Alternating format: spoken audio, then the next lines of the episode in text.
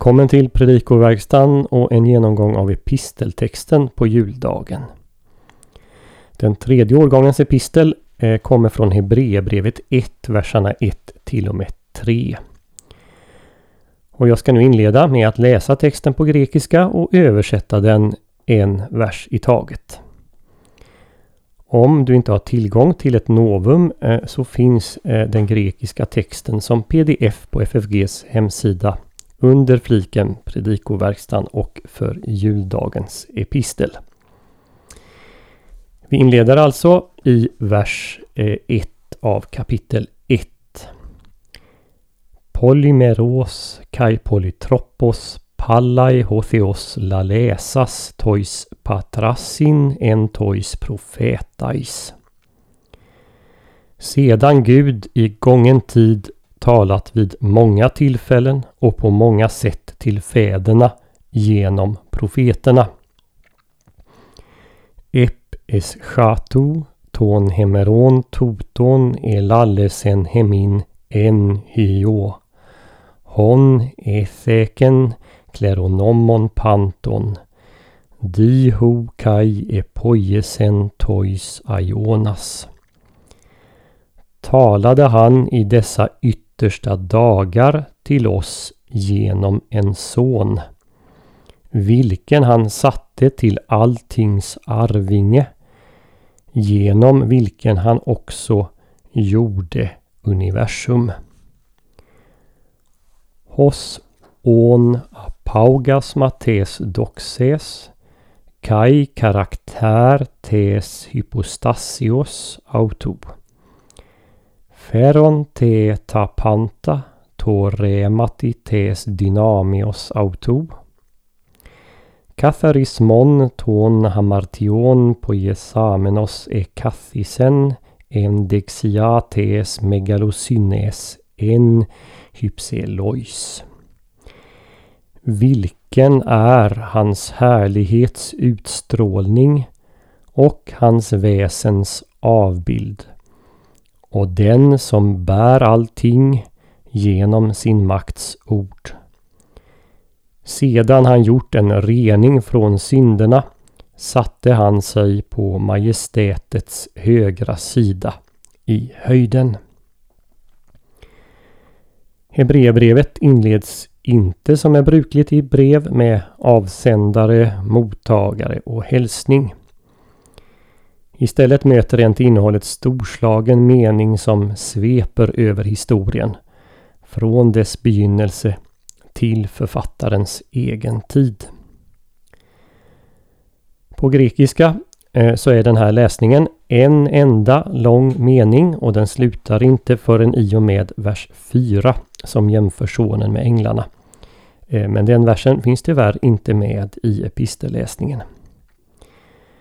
Det finns en huvudsats i de här verserna, nämligen Gud har talat till oss genom en son. Alla övriga satser underordnas denna. Vers 1 och 2 utgörs av sammanlagt fyra satser. De två första kontrasterar Guds tal fordom med Guds tal nu. De två nästa satserna beskriver den son genom vilken Gud nu talar. Vers 3 är en lång och ganska komplex relativsats som ytterligare utvecklar vem sonen är. Och den fjärde, som inte tillhör vår text, utvecklar detta genom att beskriva sonens överlägsenhet över änglarna.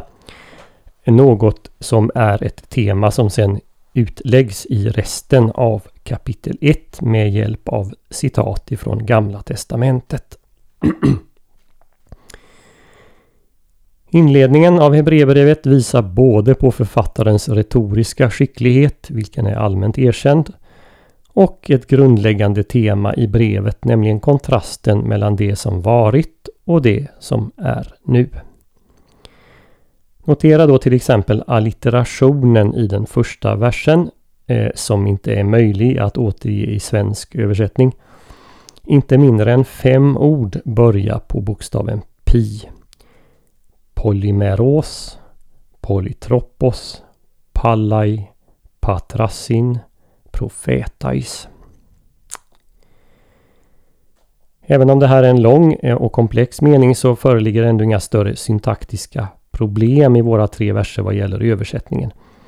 Däremot är inte begreppen som används helt självklara så de ska vi se lite närmare på, eller några av dem. Eh, men innan vi gör det så är det kanske ändå någon som har lagt märke till att en hyo i en son eller genom en son i vers 2 saknar artikel. Här skulle man nog förväntat sig att det borde stått sonen med artikel. Men det gör det alltså inte.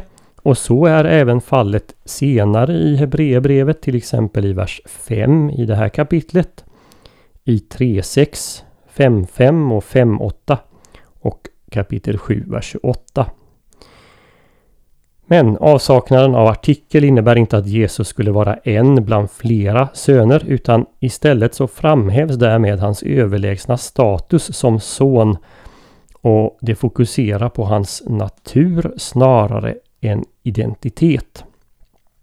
Och här kan man jämföra lite med eh, när artikel används framför sonen för så är fallet i 1.8 och sedan när eh, Guds son eh, refereras till eller används eh, i 4.4, 6.6, 7.3 och 10.29.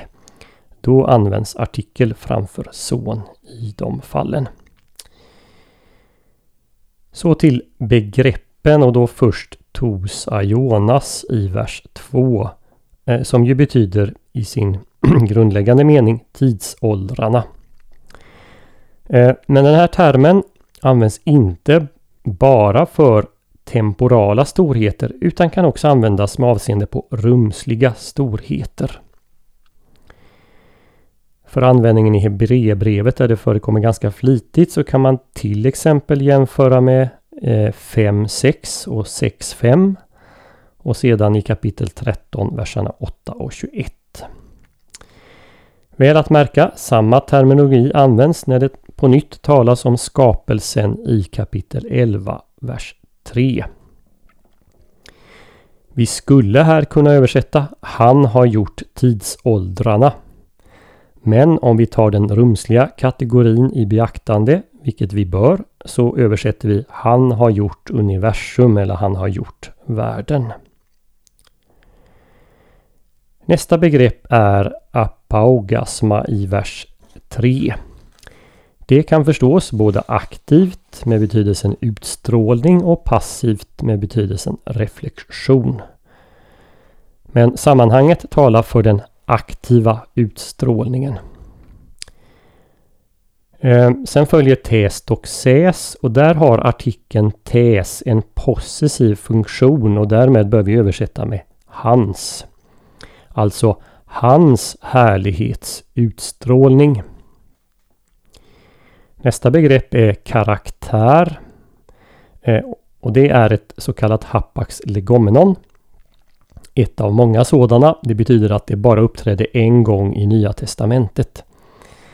Eh, i Hebreerbrevet är det också fallet faktiskt att det finns hela tio stycken unika ord som man inte har belagt i grekiskan före Hebreerbrevet överhuvudtaget. Karaktär eh, avser en exakt avbildning, en representation. Det är till exempel det avtryck en stämpel eller ett sigill sätter på ytan. Eller vi kan också tänka på hur man slår ett mynt. Detta begrepp bestäms i sin tur av hypos, eh, hypostasis. Hypostas säger vi på svenska. Hypostasis är ordagrant eh, det som står under något. Det kan alltså avse en grund, ett fundament. Eh, och, men det kan också avse till exempel en handpenning. Från teologihistorien känner vi termen i betydelsen väsen, det vill säga det grundläggande i någons existens. Vilket står i kontrast till det som bara syns eller bara tycks vara på ett visst sätt. När sonen här beskrivs som en exakt avbildning av Guds mest grundläggande existens måste det betyda att vad Gud är, det är också Sonen. De delar samma avbild av varandet. Och det här i sin tur talar för att Sonen inte bara reflekterar Guds härlighet utan är utstrålningen av härligheten. Det sista begreppet vi ska se på här det är rema som betyder ord. Samma begrepp återkommer i 11.3 där det står att universum blivit till genom Guds ord. Eller när det talas om Guds goda ord i kapitel 6, vers 5. Här används det om Sonen som genom sin krafts ord bär allt. Det måste vara samma Guds ord som enligt 11.3 skapat världen. Men här tillskrivs detta ord Sonen. Innan vi ska sammanfatta innehållet i de här tre verserna så ska vi också lägga märke till strukturen, inte på helheten men på den andra hälften av vers 2 till och med vers 4. Eh, för de här två och en halv verserna bildar tillsammans en kiasm. Och eh, den börjar då med att sonen ärver allting. Eh, nästa steg i kiasmen är sonen deltar i skapelsen. I centrum står sonen rena från synden och sitter på Guds högra sida. Och så motsvarigheten till Eh, den andra delen, sonen deltar i skapelsen. Då har vi sonen uppehåller allting. Och så motsvarigheten till inledningen, sonen ärver ett större namn än änglarna. Det inleds med att han ärver och det avslutas med att han ärver. Och så är det skapelsen däremellan och i centrum reningen från synden och sittandet på Guds högra sida. Eh, den här kiasmen finns också i pdf-en till den här eh, texten på FFGs hemsida. Och då är det så med kiasmer att kiasmens centrum är normalt sett viktigast. Och här finner vi två stycken huvudteman i Hebreerbrevet. Nämligen reningen från synden. Det är Jesus som överste präst. Och så anspelningen på psalm 110 som mycket i brevet eh, i dess utläggning av skriften sedan kretsar kring. Två saker framträder med stor klarhet i våra tre versar. Den första av de här, det handlar om Guds tal, Guds ord. Gud har talat i gångna tider och nu talar han genom en son. Gud som talaren och vi som lyssnarna, det är ett tema som liksom genomtränger hela brevet. Eh, här kan man se bara på hur skriften citeras. Författaren säger aldrig så som det står skrivet eller något liknande. Utan bibelcitat de introduceras med Gud har sagt, Gud säger eller Sonen säger, Anden säger. Det är därför ingen tillfällighet att Guds ord framställs som levande och verksamt och skarpare än något tveeggat svärd så som det gör i 4.12. Guds ord är liksom i svang genom hela brevet. Det som författaren eh, kallar för ett hologos tes paraklesios. Ett förmaningens eller tröstens ord eh, i 1322. Det är Guds ord som talar. Och det här begreppet förmaningens ord är sannolikt eh, ett, en teknisk term för en predikan. Så vad vi har här är snarare en predikan än ett brev. Men den har skickats och har en liten sluthälsning eh, mot slutet. Eh, här behövs en, en liten kommentar också kring kontrasten mellan hur det här ordet tidigare har talats och hur det nu talas. När vi läser att Gud talat polymeros kai polytropos i många delar och på många slags sätt så uppfattar vi moderna människor det här kanske som något positivt. Det är bra med variation. Men enligt den platonska världsbild som i, någon mån ändå delades av de flesta människor i antiken så var det mångahanda, något otillräckligt, något fragmentariskt och ofullständigt. Något som kontrasterades med Sonens uppenbarelse vid ett tillfälle och genom en, genom den ende Sonen. Ehm, alltså på det här sättet så, så framställs det som då också är huvudsatsen här. Gud har talat genom en son.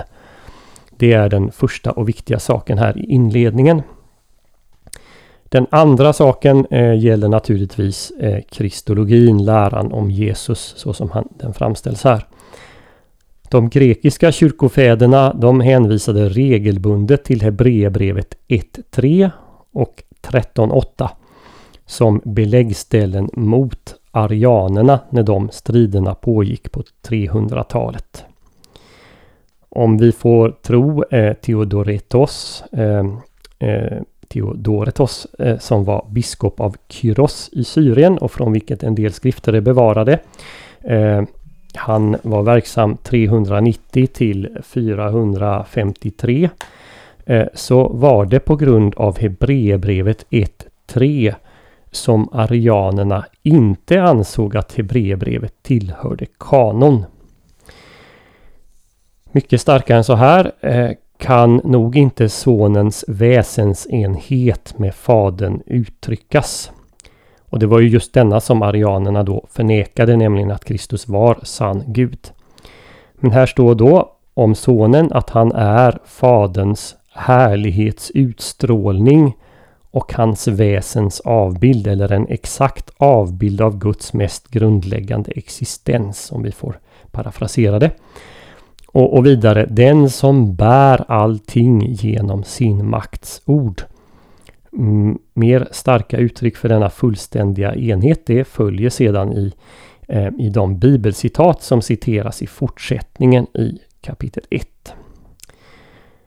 Den som läst min lilla småskrift Glans kan finna här att samtliga fem kategorier som pekar på Kristi gudom, de finns representerade i Hebreerbrevet 1. Har man ännu inte skaffat den så är det möjligt att beställa den från FFG.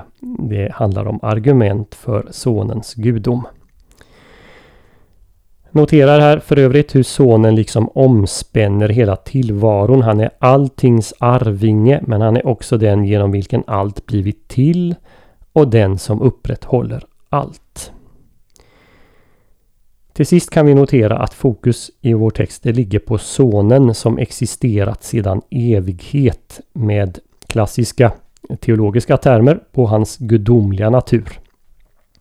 Inkarnationen, människoblivandet, människan Jesus.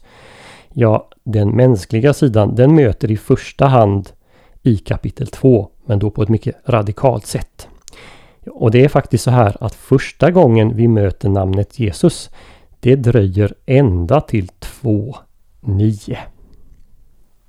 Vi hoppas att denna genomgång får bli till hjälp och välsignelse för dig som har lyssnat. På vår hemsida www.ffg.se kan du hitta information om hur du kan stödja fakultetens arbete, som till exempel den här podcasten. Ett sätt att stödja är att skänka en gåva genom Swish. Församlingsfakultetens Swish-nummer är 123 100 8457. Alltså 123 100 8457. Mottagaren som anges är Peter Isak Bens utbildningsstiftelse. Märk gärna gåvan FFG Podcast om du vill stötta just denna podden. Så önskar vi allt gott och Guds välsignelse.